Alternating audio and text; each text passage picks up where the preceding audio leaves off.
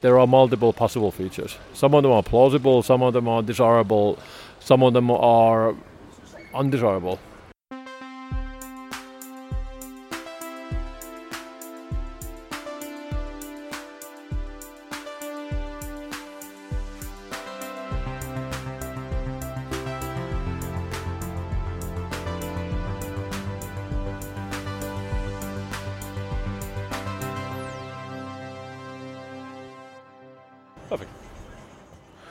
Okay, this is here from Framtiden. We're um, recording from Gather 2019. My name is Christopher Nessen. I'm here with Sami Niemelä.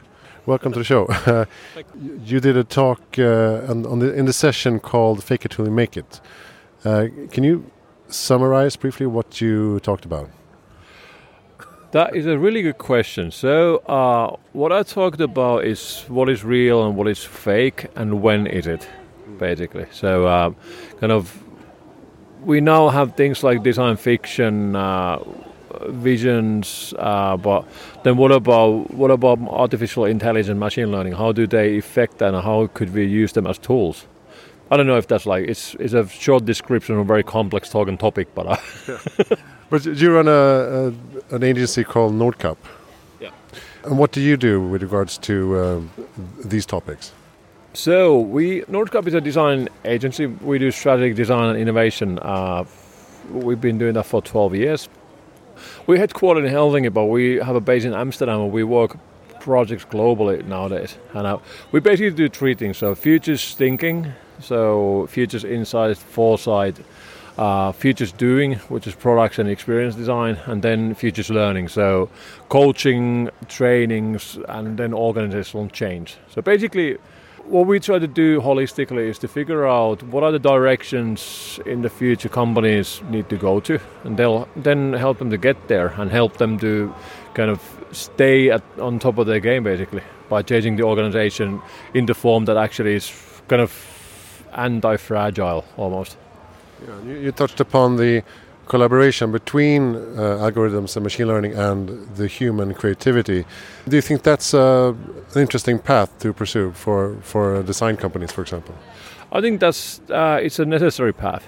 It's a it's a very interesting one as well. But I mean, way I see, I see technology as material for design, and design is the way to solve uh, problems for people, right? So with machine learning even though it's i mean a lot of people, people talk about ai machine learning. What i found like there's like this uh, anyway there was a lady uh, from copenhagen in my talk who talked about wizard of Oz so there's a lot of systems have this man pulling the strings behind them without us realizing. And basically machine learning ai is, is pretty much about that nowadays. So mm.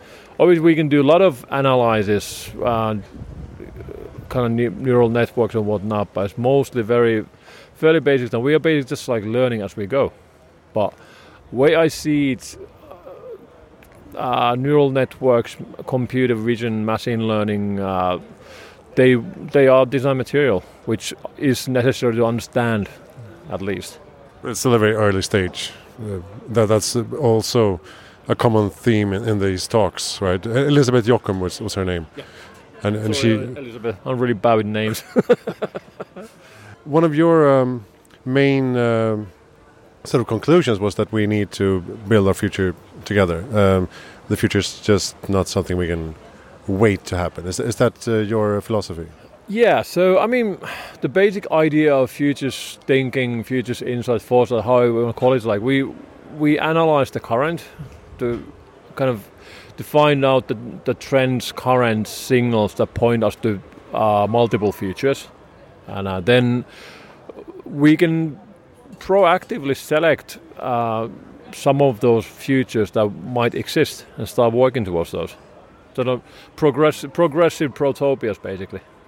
Oh yeah, you mentioned protopia instead of utopia. What do you mean by that? So protopia is a term that I um, I first heard from Kevin Kelly, founder of Wire, and then people like Monica Bielskyte and, and uh, some others. They've been very talking about it a lot during the past couple of years.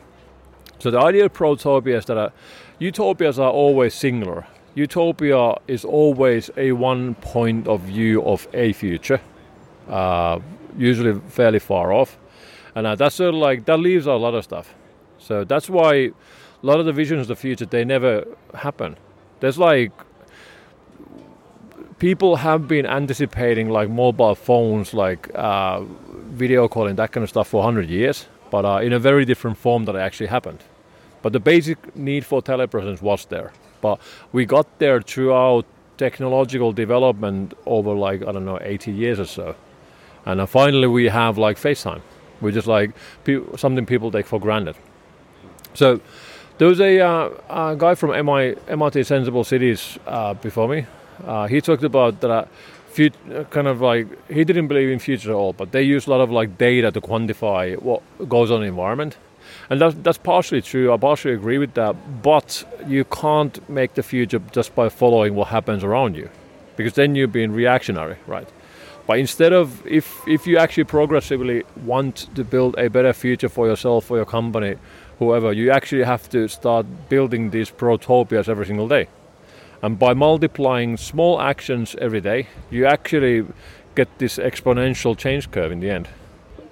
Another of my favorite topics is complexity theory and complex systems. So the world is a complex place. Humans are by nature, we are very, very complex, but at the same time, we are really, really bad on handling complexity.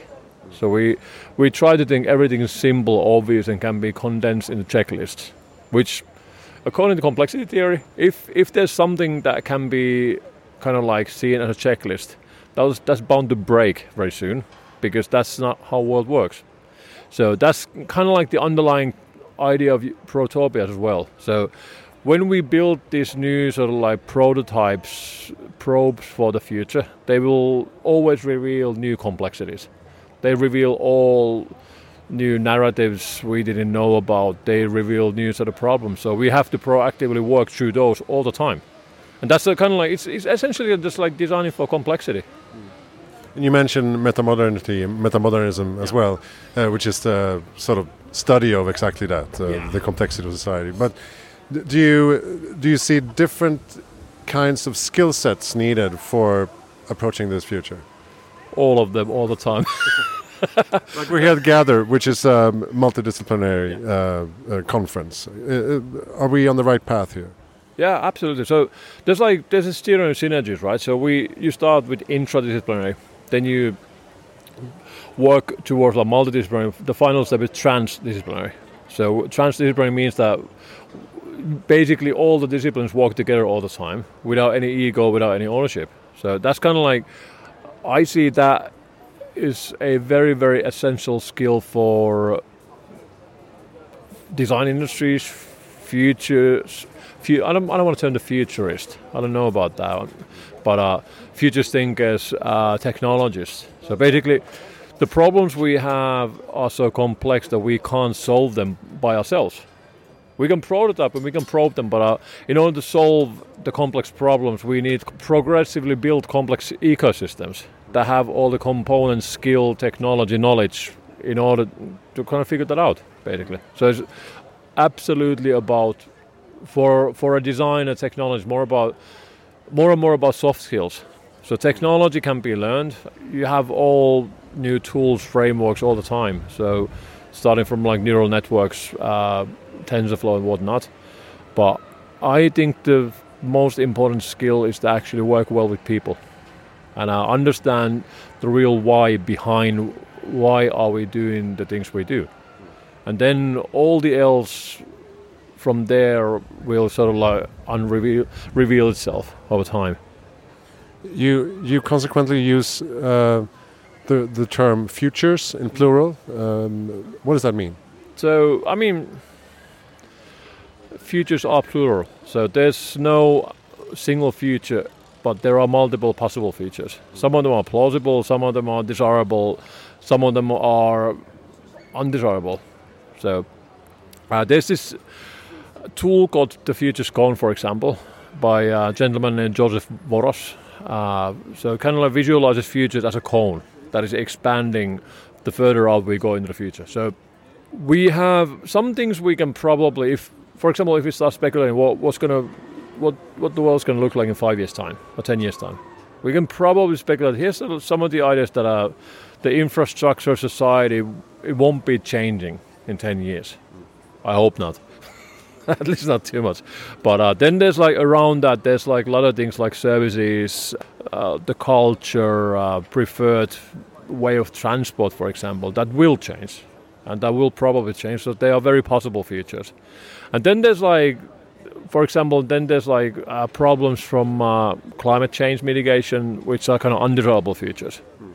And then, I mean, obviously, then there's like uh, one of the one of the kind of uh, important components are black swans as well. So Nicola Nassim Taleb wrote a book about them. So events that are completely un, unanticipated, unforeseen, uh, they just happen. They dis, they disrupt a lot of things that comes back to protopias and designing for anti-fragility as well. So we need to build systems that are resilient, that actually handle change well. But that, was, that was, it was a bit of a segue. Where did we start?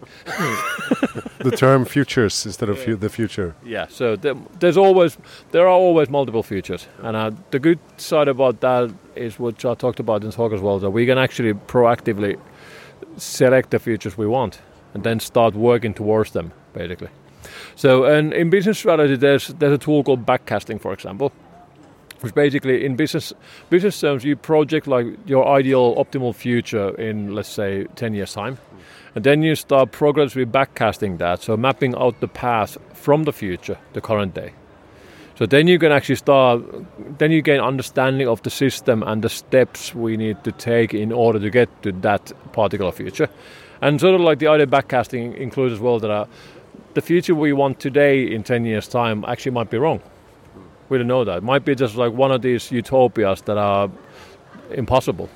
So that's why we need to sort of progressively build protopia, small steps, and incrementally start kind of like figuring out the system of where we want to go to. Long and winding answer, but yes, there are always multiple features. Sometimes it can be actually limiting to set firm goals for like this is what's going to happen in five years, and ten yeah. years, and also personally because things change. Humans are really, really bad with ambiguity in general, and we are really bad anticipating long change. So we always aim for the short term, for the short, short rewards. Uh, it's, it's basically built in the human psych- psyche. Our brain works that way. We seek for like instant gratification instead of, I mean, your own personal health, for example. So if you hamburgers and beef are really good for you. They they might taste really good, but in the long term, like on let's say 30 years time span, they might be really bad for you. But still, you people choose the instant gratification over the long-term health effect because it's really intangible, it's really invisible, and it's super slow. So we humans suck at anticipating like big changes.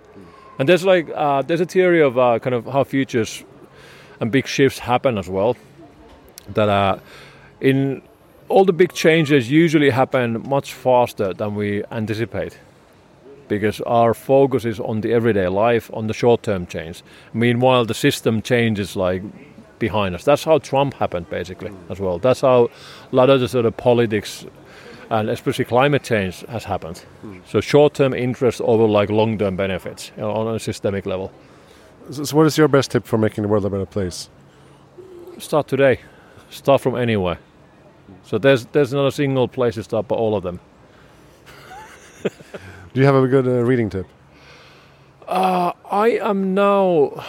I have plenty, and uh, you should see my uh, Kindle list, uh, which I'm gonna dig up. Now. now it's opening the Kindle list.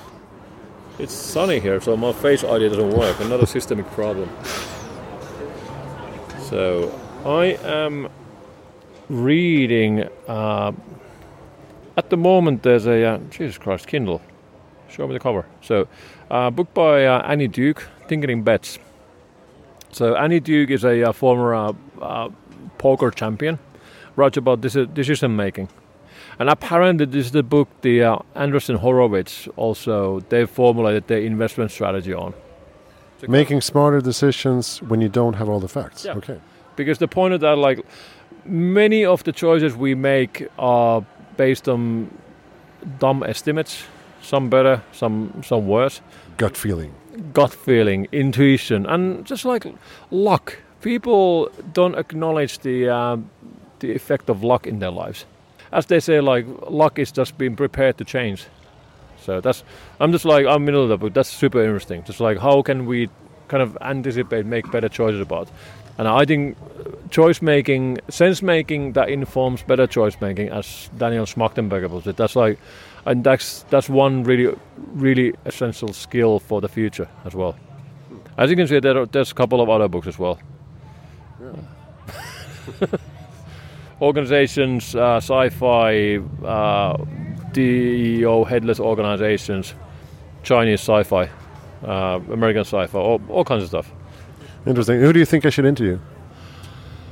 Ah, good question. There's so many people. I think you should uh, talk to Monica Bielskyte.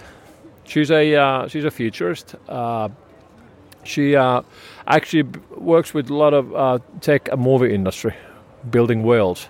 Okay. So she's had a hand in the new Blade Runner, Ghost in a Shell, I think, and a couple of other really big pictures. She's been doing a lot of talking uh, at Google and a lot of tech companies. So I think she's one of the uh, most sharpest, most opinionated minds at the scene at the moment. And she's Great. A wom- she's a woman as well, so it's a plus.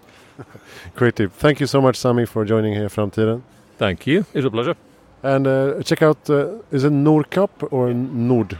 Nordkapp. With, with a D? Yeah. Yeah. Nordkapp.fi FI. for more information about um, designing the future. oh, m- uh, designing multiple futures, of course. Well, future directions and make them tangible. And and I am on Twitter at Samin as well. So there's yeah, Okay. there's a lot of quite random stuff there. Great. Check out herframtiden.se and check out Gather, not 2019 because it's already happened when you listen to this, but uh, maybe next year. Uh, thank you, Gather Stockholm, for arranging this.